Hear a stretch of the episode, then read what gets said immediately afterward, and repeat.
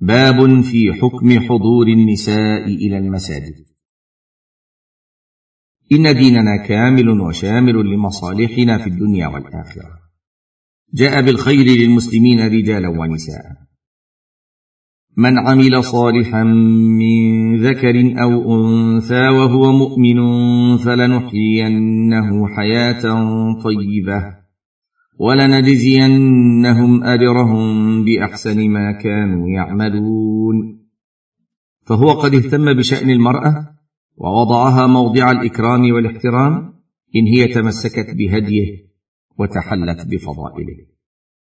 ومن ذلك أنه سمح لها بالحضور إلى المساجد للمشاركة في الخير من صلاة الجماعة وحضور مجالس الذكر مع الاحتشام والتزام الاحتياطات التي تبعدها عن الفتنة وتحفظ لها كرامتها. فإذا استأذنت إلى المسجد كره منعها. قال النبي صلى الله عليه وسلم لا تمنعوا إماء الله مساجد الله وبيوتهن خير لهن وليخرجن تفلات حاشية أي غير متزينات ولا متطيبات. انتهى.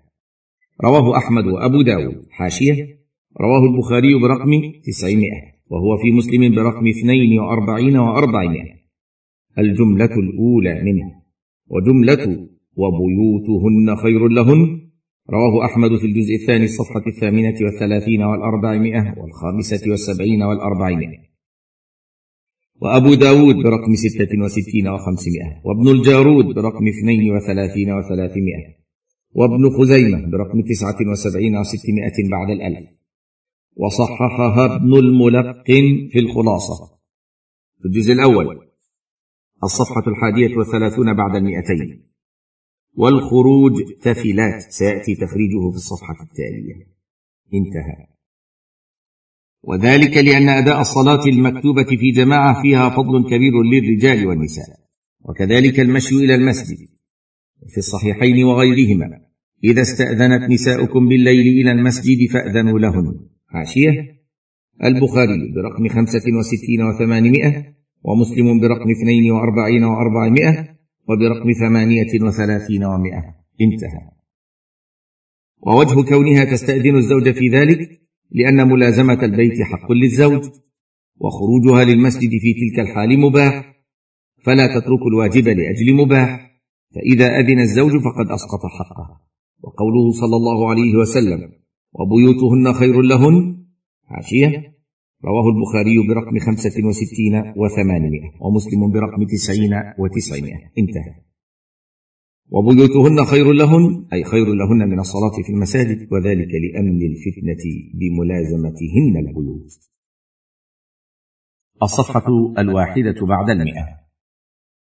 وقوله صلى الله عليه وسلم وليخرجن تفلات حاشية الخروج تفلات رواه أبو داود برقم سبعة وستين وخمسمائة وأحمد في الجزء الثاني برقم ستة وسبعين وثمانية وتسعين.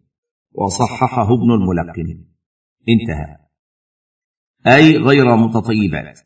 وإنما أمرن بذلك لئلا يفتن الرجال بطيبهن ويصرفوا أنظارهم إليهن فيحصل بذلك الافتتان بهن ويلحق بالطيب ما كان بمعناه.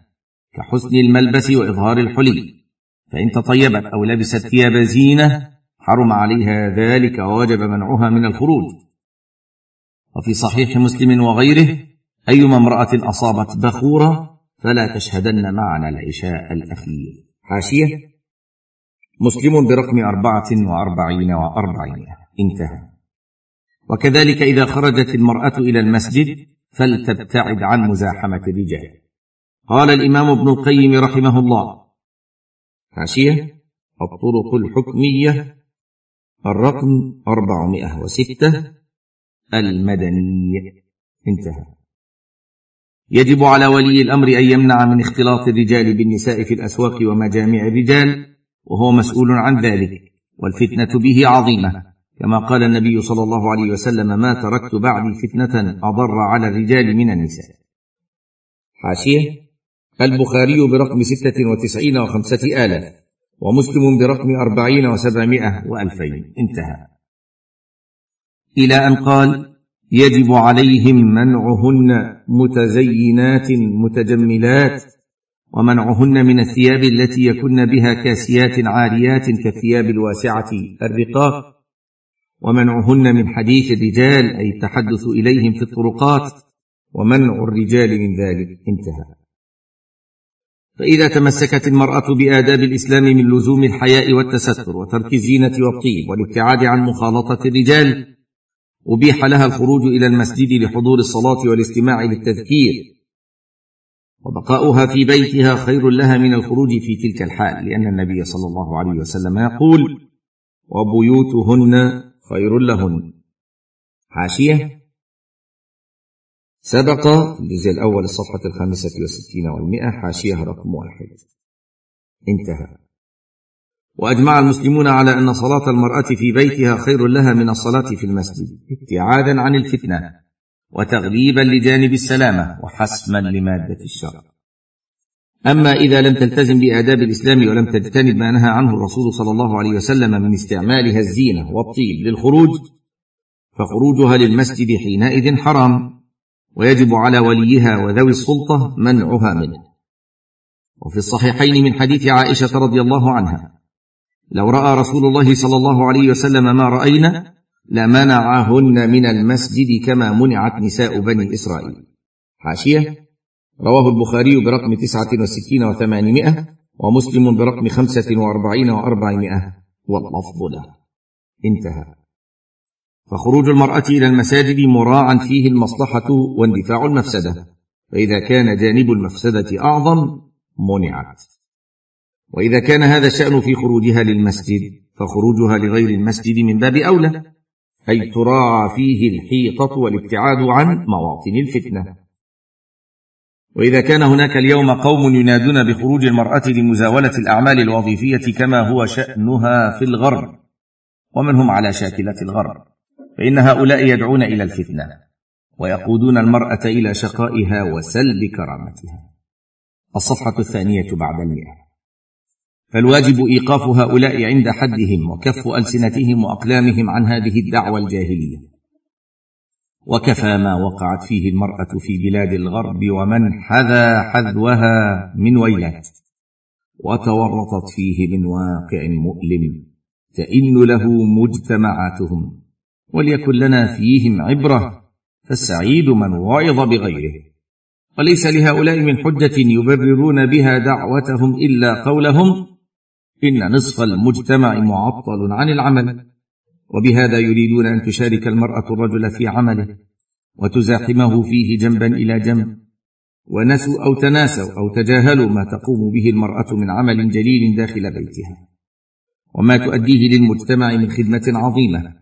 لا يقوم بها غيرها تناسب خلقتها وتتمشى مع فطرتها فهي الزوجة التي يسكن إليها زوجها وهي الأم والحامل والمرضع وهي المربية للأولاد وهي القائمة بعمل البيت. فلو أنها أخرجت من البيت وشاركت الرجال في أعمالهم من ذا سيقوم بهذه الأعمال؟ إنها ستتعطل ويومها سيفقد المجتمع نصفه الثاني. فماذا يغنيه النصف الباقي؟ سيختل بنيانه وتتداعى أركانه. إننا نقول لهؤلاء الدعاة ثوبوا إلى رشدكم ولا تكونوا ممن بدلوا نعمة الله كفرا وأحلوا قومهم دار البوار. كونوا دعاة بناء ولا تكونوا دعاة هدم. أيتها المرأة المسلمة تمسكي بتعاليم دينك ولا تغرنك دعايات المضللين الذين يريدون سلب كرامتك التي بوأك منزلتها دين الإسلام وليس غير الإسلام. ومن يبتغ غير الإسلام دينا فلن يقبل منه وهو في الآخرة من الخاسرين.